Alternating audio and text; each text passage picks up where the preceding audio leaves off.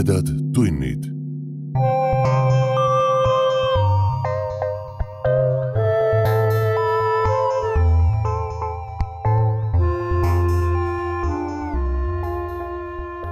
tere, hea ulmesõber.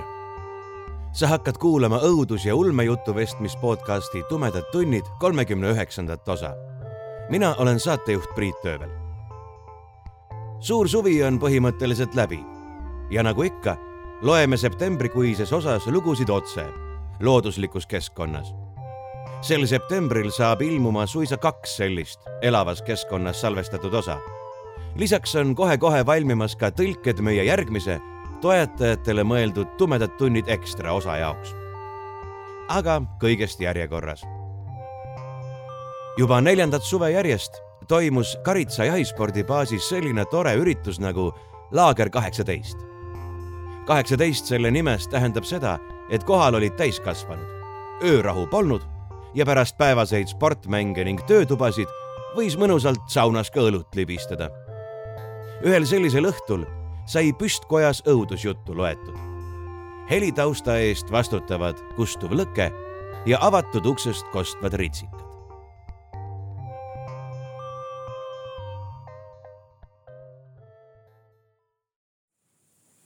Loen teile Biks Pokupoja müstilise loo Aida naine. kõu kärgatas ning veeres raginal üle sünksinise taevavõlvi. Andres võpatas ning heitis pilgu selja taha. kätimarss siia marssis tujutult tema kannul, käed sügaval jopetaskutes ja pea kõrvuni tõstetud krae vahele tõmmatud. vihma veel ei sadanud aga Tüma metsaalune oli naise sukad poriseks teinud ning kingad lootusetult läbi vetitanud. mis sa vahid, astu edasi, turtsus naine. kohe hakkab sadama ja ma saan märjaks. Andres tõmbas pea õlgade vahele ja kiirendas sammu. vaevu märgatav teerada, mida mööda nad olid tulnud, oli kadunud. varem hõredalt kasvanud kaharad kuused olid ruumi andnud tihedale lepavõsale ja vastikult torkivatele põõsastele. hulk tiivulisi putukaid saatis minejaid ning varitsesid hetke, mil saaks ennast juuste sisse peita või krae vahele pugeda. Facebooki saunapidu oli Kätu öelnud. sul on kaart ja GPS telefonis, oli Kätu öelnud. Nad olid maanteelt pööranud kõrvalteele, seejärel veel kõrvalisemale teele ning lõpuks juhatas GPS neid kahtlaselt kasutamata metsarajale, mille pragunenud porikirmest polnud teab mis ajast keegi läbi sõitnud. paar kilomeetrit hiljem selgus ka põhjus. mädanenud palkidest kraavisild, mis oli murdunud tugitala tõttu külgepidi vette vajunud. Nad olid autos tükk aega vaielnud. Andres oli süüdi selles, et ta oma naisest ei hooli süüdi selles, et ta kaarti lugeda ei oska. ja kohe eriliselt oli ta süüdi selles, et juba esimese äikese raksatusega oli mõlemal mobiilil levi ära kadunud. me ei sõitnud kaks tundi selleks, et kaks kilomeetrit enne metsamaja otsa ringi keerata, kähvas Kätu ning virutas auto ukse tagant kätt kinni. päevi näinud Mazda päraluuk rebiti lahti ja virutati kinni veel kõvema mürtsuga. pisike seljakott üle õla visatud ukerdas naine üle terveks jäänud silla poole ning marssis metsa vahele. ohates võttis Andres pakiruumist oma koti ning kiirustas Kätule järele. kui kraavikaldale jäetud auto enam ei paistnud, tülitsesid nad veel kord, seekord suuna üle. kuna koos leviga oli ka GPS mobiilist töötamise lõpetanud, ei suutnud nad kokku leppida, kuhu poole peokutses kirjeldatud metsalagendik jääma pidi lõpuks jäi peale Andrese arvamus. aga see tähendas, et nüüd oli mees süüdi ka porises metsaaluses, näljastes puukides ja kuuseokste poolt sassi kraabitud soengus. ja selles, et nad ikka veel kohal ei ole. õhtu oli alles noor, kuid mets tina ja äikesepilve all oli pimedam kui keset ööd. taskulamp, mille Andres igaks juhuks kotti oli visanud, ei teinud pilti paremaks jalgesine ja lähimad põõsad paistsid küll paremini, kuid kõik see, mis jäi põõsaste vahele ning kaugemale, mattus süsimuste nähtamatusesse. kuni järgmise välgu sähvatuseni. raske kõuekõmin algas otse nende pea kohalt ning jooksis siis mööda pilvepealset laiali. ere piksevalgus söövitas ümbritseva silueti metsas ekslejate silmapõhjadesse ning sundis neid peatuma, kuniks ära ehmatatud pupillid taas pimedusega harjuda suutsid. tugev tuul rebis ümberringi oksi, aga vihm lasi ennast veel oodata. õrn tibutamine ilmus vaid hetkeks ning taandus siis taas. mööda põrutad, seal see on kätu sõrm osutas metsa vahele, peaaegu risti suunaga, milles nad seni kõmpinud olid. mina ei näe seal midagi. muidugi sa ei näe. Vehid taskulambiga ringi ja vahid ainult omaenda nina ette. Andrus surus huuled kokku ning pöördus kätu näidatud suunda.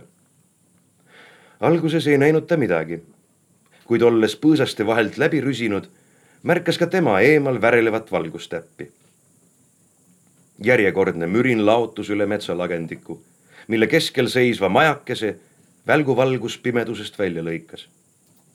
ka maja ise oli kottpime, välja arvatud keskmine aken, mille taga hubises üksik küünlaleek. see ei ole õige koht. sinu jaoks ei ole ükski koht õige, jobu, nähvas Kätu. Lähme sisse, kohe hakkab sadama Andres tõstis lambi ja püüdis leida maja ümber mingitki jälge pidulistest, kelle sekka neid oli kutsutud. asjatult. kõrge tallamata rohi ulatus pea aknalaudadeni ning kõik oli hiirvaikne. Isegi ennist okstes sahistanud tuul oli vaikinud ning ainus heli oli üksikute raskete vihmapiiskade langemine, mis andis teada, et kauem ei suuda vihm ennast kinni hoida. Lähme, tõukas Kätu Andresele selga või anna lamp siia ja ma lähen ise. sina passi siin, kuni sa, kui sa pidu ei taha. Andres läks. selleks tuli maha suruda vaist, mida olid treeninud arvukad B-kategooria õudusfilmid ja üksikud, aga sedavõrd eredamad lapsepõlvehirmud. see koht lihtsalt ei olnud õige. Nad olid juba peaaegu maja juures, kui taevas kõva pauguga pooleks rebiti. kätu kiljus ning Andres pillas lambi. välgu valguses seisis hiiglaslik siluett, kõverad sarved peas ning küünistega tiivad õieli. jookse, röögatas Andres ning pööras ümber. ta jõudis teha vaid sammu kivikujuna seisva naise poole, kui maapind kõikuma lõi ning maailm kildudeks pudenes. Andres Kätu. vaikus. Andres öökis. pea kumises valutada ning suus oli oksemaik.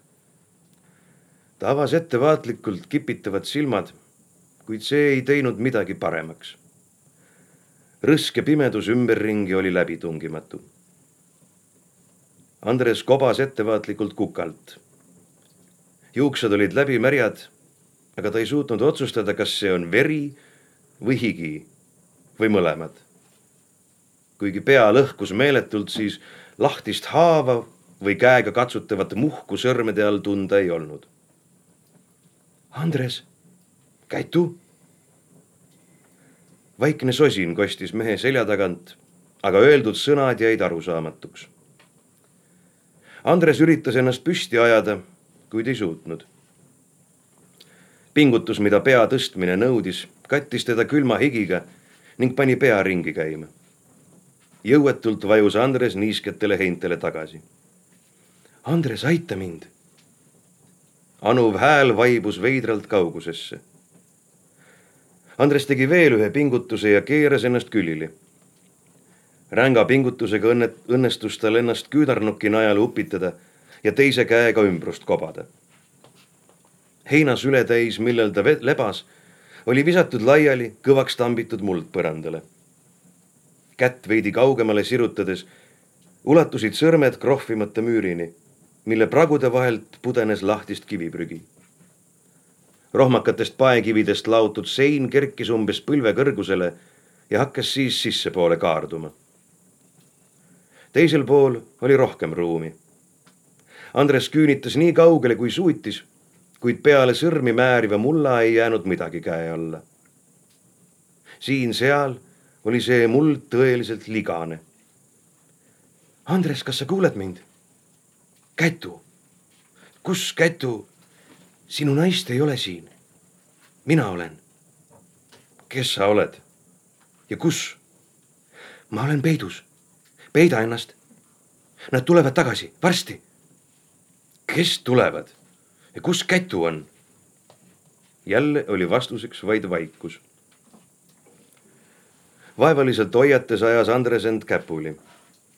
Iiveldustunne, mida ta siiani oli maha surunud, märkas võimalust ning surus oma tahtmise läbi. Andrese kõht tõmbus krampi ning ta oksendas heinte kõrvale, lüües seda tehes mitu korda peaga vastu seina. ümberringi oli kott pime ja seetõttu ei saanud ta aru, kas valu lõi tal silme eest mustaks või mitte jõuetult varises mees tagasi heintele. Andres? Andres avas silmas. Siruta ennast välja, otse edasi. vaikne hääl libises eemale. hambad ristis, tõusis Andres neljakäpakile ning koperdas juhatatud suunas. heinte peatsis, kröömikese kaugemal, kui ta käed ulatanud oleks, vedeles riidehunnik. selle all mõlemad seljakotid ning taskulamp. Andres rabas taskulambi pihku ning klõpsas põlema. Tilluke ruum nägi välja nagu keskaegne kelder. seinad olid laotud paekivist ning need kaardusid üle pea kokku, moodustades madala lae, kus isegi ruumi keskel seistes oleks riskinud pea lõhki löömisega. keldrile kohaselt oli ukselävi põrandast pea pool meetrit kõrgemal ning ukseni jõudmiseks tuli astuda läve ees seisvale kulunud paekivist astmele. uks ise oli paksudest plankudest rohmakalt kokku klopsitud ja lukus. Andres nõjatus värisevate jalgadega vastu ust ning tundis, kuidas jääkülm higi mööda keha voolab. pingutus, mida ta enda püstiajamiseks oli teinud, pani sisikonna uuesti protestima. magu tõmbus veel korra või paar krampi kuid nähtavasti polnud sinna enam midagi jäänud, mida välja visata. Andres ei mäletanud, millal ta viimati oli söönud või joonud. Terav kibe maitse suus kuivas. Andres tõmbas käega üle lauba. hoolimata janust ei tahtnud higistamine kuidagi lõppeda. Andres. mees pöördus ringi. mida põrgut? ruum polnud just tühi kuid esimesel pilgul ei paistnud ühtegi kohta, kuhu salapärane sosistaja ennast peita oleks võinud. heinad, paar tühja kasti, ämber mingi ollusega. Kätu, roni välja, käratas Andres. see ei ole üldse naljakas. vaikne ohe hajus üle ruumi laiali. Andres ei suutnud selle allikat määratleda. asi oli absurdne ja vastikult irreaalne aga ta ei suutnud kusagilt kinni hakata, et end tagasi reaalsusesse sundida. Andres lompas tagasi kätu riiete juurde. Need olid visatud hooletult puntrasse. Nende all vedeles naise kotisisu. Kes iganes oli kätu seljakoti lahti tõmmanud ning kogu selle sisu maha puistanud ja vaevumata seda kokku korjama, riided sinna peale kuhjanud. kätu. Andres lappas naise riided kõrvale jope, seelik, pluus, kotis olnud kampsun ja teksad, pesu. Andres tõstis jahmunult hunnikust naise lõhki rebitud sukkpüksid, millel olevad mustad plekid lambi valguses tumepruunideks osutusid. Veri. uks raksatas, kuid ei liikunud mitte millimeetritki. Andres vajus lõõtsutades selle ette astmele ja mudis põrutada saanud õlga uks oli suletud väljastpoolt riivi või tabalukuga, sest selle sees polnud vähimatki märki lukuaugust. Polnud ka pragusid, millest oleks saanud välja piiluda, et teada saada, kas väljas oli ikka veel öö või hakkas juba koitma. Andres, kes sa oled, kus kätu on? kähises mees. mul on raske sinuni ulatuda. sa pead minu juurde tulema. mis tähendab sinu juurde tulema, kus sa oled? ma olen peidus. sina pead ka peitu tulema. kuhu? vastuseta jäänud küsimus ajas mehe hulluks. Andres lompas nurgas olevate pappkastide juurde ning loopis need laiali. Kastide all ega kastide taga polnud kedagi ega midagi. ka heinte all olev muldpõrand täpselt sama ebahuvitav. Andres virutas paar korda prooviks rusikaga vastu seina ning hõõrus siis haiget saanud kätt vastu pükse. müür oli ausalt laotud ning kõik kivid püsisid oma kohal ägades vajus mees keldrinurka istuma. Andres. Sõnadele järgnenud vaikne ketikõlin tõmbas mehe pilgu endale. habras naise kuju Andrese kõrval paistis ainult siis, kui seda veidra nurga all kõõritada ning ka siis jättis vaatepilt valesti fokusseeritud tunde nagu 3D kino. naine oli ihualasti ning pöidla jämeduse ketiga seina külge aheldatud. mida? Naine vaatas Andresele pingsalt otsa. see ei olnud kätu. Andres teadis seda tegelikult juba algusest peale, et kätu ei räägi niimoodi. aga nähes enda kõrval istuvat viirastuslikult kaunist naist, sai ta aru, kui väga too kätu ei ole. sa näed mind? naise silmadesse tekkis lootus tule minu juurde, aita mind. Andres sirutas ennast naise poole. Ta püüdis anuvalt tema poole sirutavast käest kinni võtta, kuid sõrmed tabasid vaid külma õhku. Andres küünitas ennast kaugemale ning seekord tundis ta tõeliselt jäist jahedust, kui tema käsi naise peopesast läbi viipas. ehmunult põrkas Andres tagasi. jää minuga karjatas naine. vaata mulle silma, ära mine ära. Andres kaotas tasakaalu ning oleks ääre pealt kukla vastu seina, lage ära löönud. ähmis vehkides tabas ta ämbri serva ning tõmbas endale peaaegu sülle.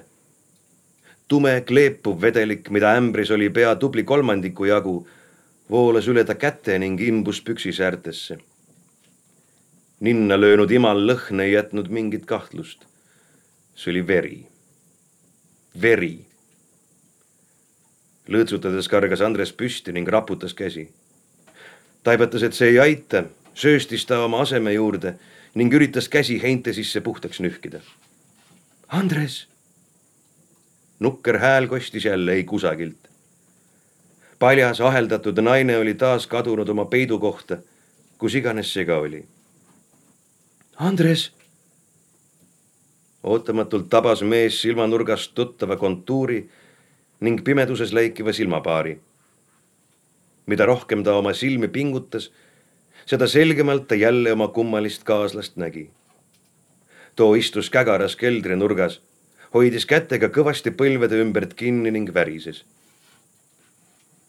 tule, sosistas too, tule ja aita mind vabaks. miks sa siin kinni oled? et ma ära ei jookseks. Naise silmad läikisid veel rohkem ning üksik pisar veeres üle tema põse. me olime neljakesi. Anna, Anna viidi esimesena minema. me ei näinud, mida temaga tehti. aga ma kuulsin. siis nad tulid, tulid tagasi. me ootasime ukse taga. ei tahtnud ühe saime pikali, teine haaras minust kinni, paiskas maha. Joosep komistas minu otsa, Karla jooksis metsa. tema vist pääses. Joosep viidi minema. mina, mind kisti paljaks, siis, siis ma ei mäleta. ma olin ketis, mul oli nii hirm, hirm, et nad tulevad tagasi. ja siis ma läksin peitu. naine luksatas ja püüdis nuuksumist maha suruda. kaua sa oled siin juba olnud? Kaua mina olen siin olnud? ma ei tea. kui ma ennast peidan, siis ma olen nagu udus. ma ei taju aega. kui ma sind nägin, olid sa heintel pikali. keegi nimetas sinu nime, aga ma ei näinud teda. Nad rääkisid veel midagi. aga see oli ainus sõna, millest ma aru sain. ja siis ma kutsusin sind ettevaatlikult sirutas Andres käe välja ja libistas sõrmedega üle seina. rauast ankur, mille külge kett kinnitus, oli taotud sügavale kivide vahele ning mördiga plaasterdatud. tule, aita mind. kett oli ankru küljes kõvasti kinni. lüli-lüli haaval lasi mees haljal raual läbi pihu joosta, kuni tema käsi jõudis naisa, naise kaela külge needitud võruni. õrnalt riivasid ta sõrmed juukseid ning pühkisid õla pealt sinna voolanud pisara. naine võpetas ja haaras Andresest kinni. aita mind, sosistas ta. aita mind vabaks enne, kui nad tagasi tulevad. ettevaatlikult silitas Andres naise paljast selga ning pani oma käed ümber. naine tema embuses värises, kuid oli soe ja pehme ja nii kaitsetu Andres tundis, kuidas see teadmine tema mehelikkusele mõjus. Andres lasi naise lahti. kett oli jäme ja kõvasti seina küljes kinni. Andres võttis ka teise käe appi ning surus jalad vastu müürikive. asjatult. ükskõik kui kõvasti ta ei tõmmanud, kett soonis ainult seda valusamalt tema pihkudesse. Andres lasi silmad üle põranda. mitte midagi käepärast ei hakanud silma mitte midagi, millest oleks rauast keti või kivist seina vastu abi olnud. tõmbame koos, vabises naine. Andres surus jalad veel kord vastu seina ning pingutas kogu jõust. ei midagi. naise käed ei suutnud ketist piisavalt kõvasti kinni hoida ning libisesid tagasi, Andrese käteni. naise pihud olid soojad ning hetke hoides ta Andrese käte ümbert kinni enne kui ohates keti lahti lasi. ma ei jaksa, sosistas ta. Lähme, peidame ennast ära, siis nad ei leia meid. Andres mõtles hetke ja libistas veel kord taskulambi vihuga üle keldri. ära jäta mind, karjatas naine ja haaras mehest kinni. ei, ei jäta. Andres embas naise paljaid õlgu ning ajas ennast püsti paekivi lahmakas ukse ees oli suur ja raske. aga läbi häda õnnestus Andresel see sülle võtta. üksi olles poleks ta selle peale isegi mõelda suutnud. aga naise anuv pilk andis talle jõudu ning pani unustama valu ning krambid kõhus. hoia eest, lase kett lõdvaks. naine taganes nii palju, kui see oli võimalik. Andres võttis hoogu, rebis kivi nii kõrgele, kui ta vähegi suutis ja virutas selle siis tuhmi raksatusega ankru pea pihta. valujutt käis läbi mehe sõrmenukkide. kusagil oli ta nendega seinakive riivanud ning naha lihani maha rasveldanud, kuid mitte sügavamalt. laskmata valul oma teadvusesse tungida, logistas Andre, Andres ankrut ning lajatas siis sellele veel kord.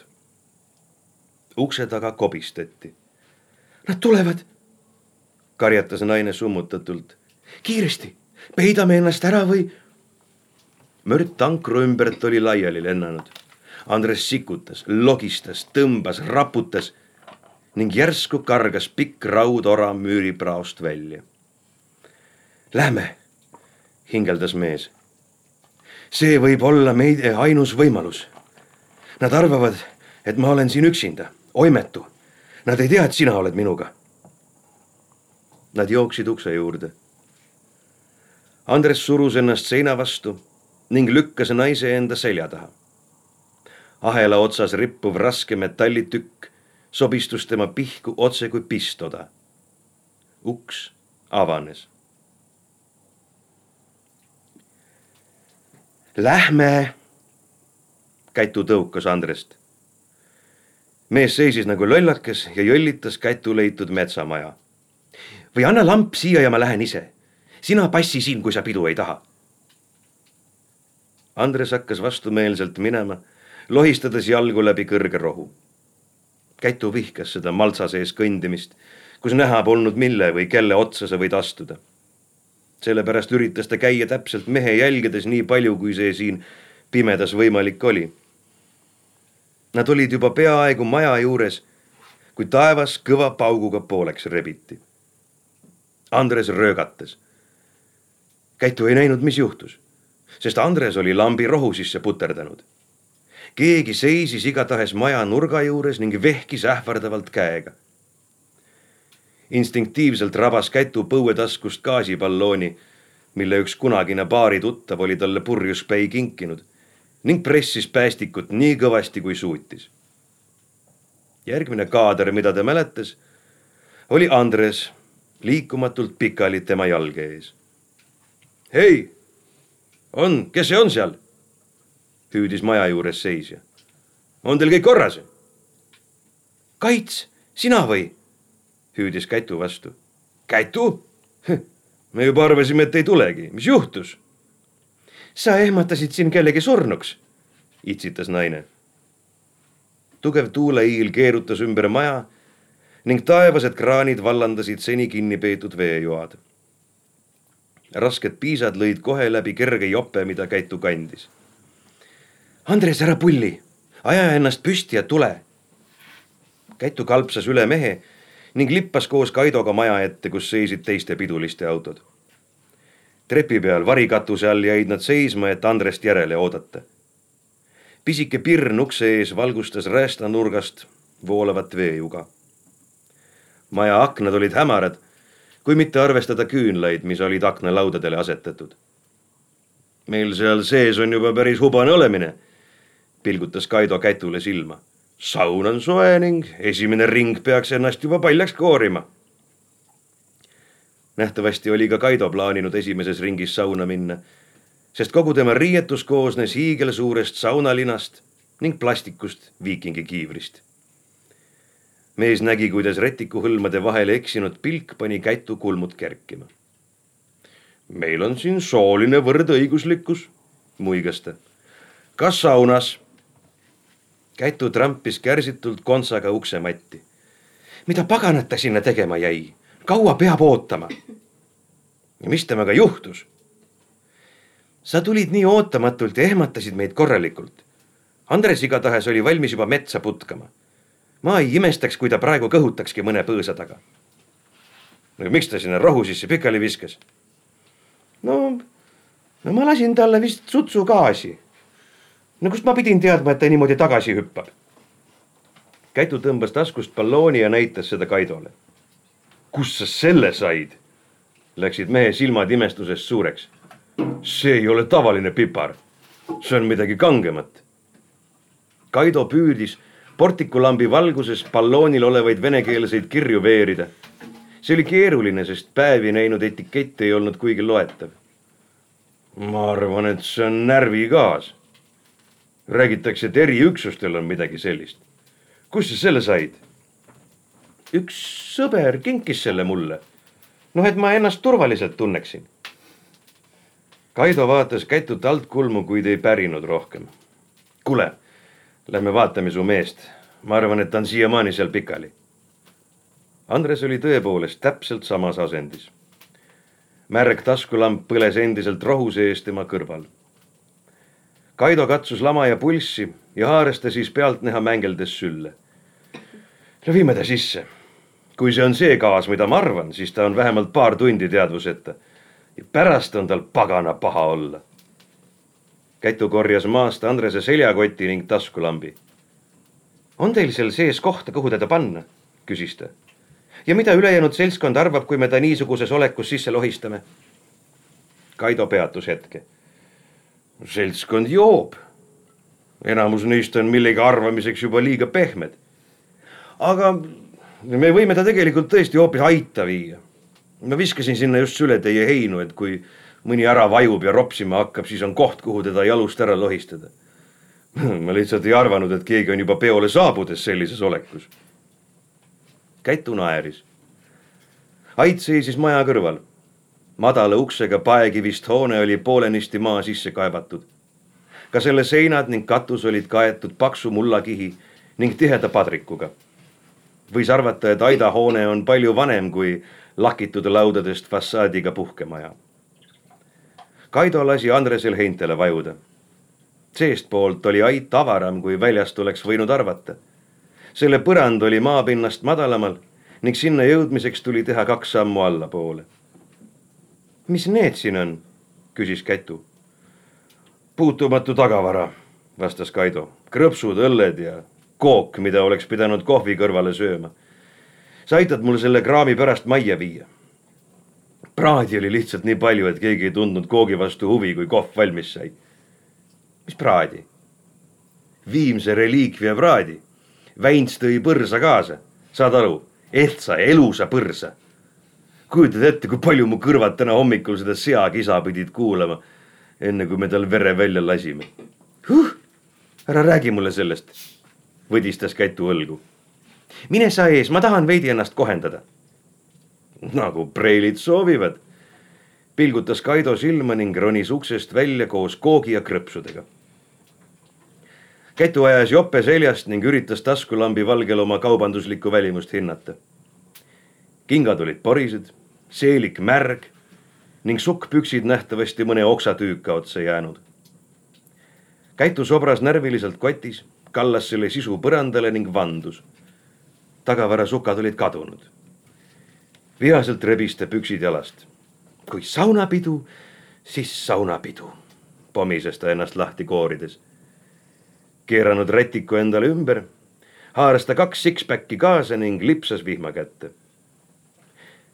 siis tuli ta selle viimase six-packi järele, rätik moe pärast üle õla. ta oli söönud praadi ja joonud õlut. ta oli käinud saunas ning jooksnud koos teiste saunalistega vihma käes mööda lagendikku. ta oli, noh, ühesõnaga mõnusalt aega veetnud. ta lasi taskulambi vihul üle aiapõra-, aidapõranda, et vaadata, kas on veel midagi, mida tasuks kaasa võtta. ta pilk jäi peatuma ämbril, milles loksus praeks tehtud põrsaveri. Väino oli alguses lubanud suure suuga lisaks praele ka verekäkki valmistada aga nüüd magas ta laua all ning vaevalt ta sealt enne hommikut välja roomab. Kätu keerutas veidi sõrme vere sees ning maalis sellega oma kehale ringe ning tähekesi. saatanast oled tsigitatud ja saatan sinu võtab. itsitas ta ning puhkis sõrmed sukkpükstest järele jäänud nartsu sisse puhtaks. tal oli janu ning ta rebis ühe originaalipurgi lahti. Kätu Andres? ta oli oma mehe olemasolu täielikult unustanud. Kätu piidles lamajat. päris kindlasti ei olnud Andresest hetkel peopanijat. teda peaks põetama ning poputama. hullemal juhul nõuaks ta ka arsti kutsumist. kuigi jumal teab, kuidas ja kui kaua arstiabi siia pärapõrgusse võib tulla. Kätu pilk langes põrandal vedelevale gaasiballoonile suur poiss, elad üle, sosistas ta ning vajutas mõnuga. haaranud rätiku kaasa, tuikus ta koos õllega õue ning pani aida ukse kinni. veidi mõelnud, lükkas ta igaks juhuks ka riivid ette, mõlemad, nii ülevalt kui alt. hommikupäike säras valusasti otse silmaauku Kätu lükkas Kaido veidi eemale ning tuikus kööki. juua polnud enam midagi, isegi vesi oli otsas. pudelivesi oli läinud käiku siis, kui ta saunas avastas, et pole millegagi seepi maha loputada. kraane siin ei olnud, pesuvesi kangutati õues olevast kaevust. ta oleks muidugi võinud poisid õue saata, aga siis oleks pidanud ootama, kuni jääkülm vesi vähegi soojemaks läheb. ja vihma ju ka enam ei sadanud Kätu läks tagasi magamiskottide juurde ning nügis Kaidot. ma tahan juua mm.. porises mees, kuid ajas ennast siiski jalule. kaevul oli kõrge kook. Kätu polnud varem näinud, kuidas kooguga kaevust vett õngitsetakse. vesi tundus küll kahtlaselt hägune, kuid janu oli suurem. kas su mees lasi juba jalga? uuris Kaido öösel ma mingil ajal küsisin, aga sa lõid ainult käega. Kätu luksatas. ma arvan, et ta on siiamaani pikali, vastas ta ettevaatlikult. ma panin igaks juhuks ukse ka kinni, et keegi teda ei segaks. Hm, või tema sind ei segaks, puksus Kaido. ma tahaks näha, mis näoga ta nüüd sealt välja ronib. või siis pigem ei taha hüüa, kui su olukord eluohtlikuks peaks muutuma. Andres ei ole selline, teatas Kätu enesekindlalt. eks sa ise tead, lausus Kaido tagasi tuppa minnes. mine vaata. mine vaata, kas ta vaim on valmis, et välja tulla. Kätu sammus aida ukse juurde ning kuulatas. Andres oli ilmselgelt ärkvel, seest kostis tuhm müts ning oigamine. Kätu hingas sügavalt sisse ning tõmbas riivid uksele eest. aidas oli pime. Kätu pilutas silmi, mis ereda päikese käest tulles midagi ei näinud ning kiikas üle ukse. ait oli veidralt lage. Andrese ase heintel oli tühi käitur riided laiali pillutatud ja tühjad peokraami kastid nurka loobitud. õnnetu vereämber oli kummuli keeratud ning läve taga seisnud kivirahn teise seina virutatud. Jessas, sosistas Kätu. Andres oli ilmselgelt marus.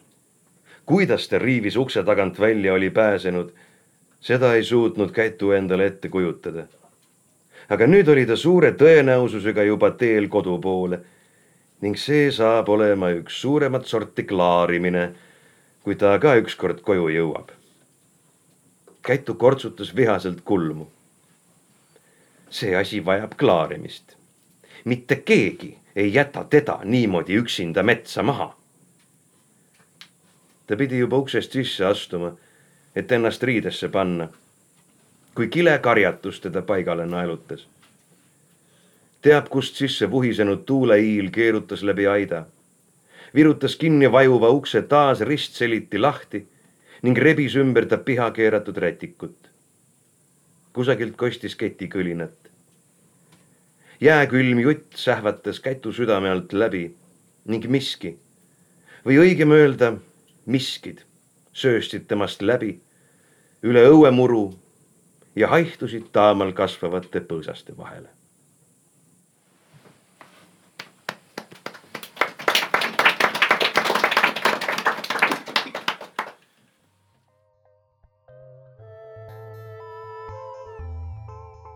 Te kuulsite Pikk Spokupoja müstilist lugu Aida naine. jutt on ilmunud ulmeajakirja Reaktor juunikuu numbris aastal kaks tuhat kaksteist. laager kaheksateist tegemistega saate tutvuda veebiaadressil laager18.ee. jagage meid ikka sotsiaalmeedias oma sõprade ja vaenlastega. õige pea kuulete meie järgmist osa, kus tulevad kuuldele jutud, mis said ette loetud Voronja galerii suveaias. Kõhedate kuulmisteni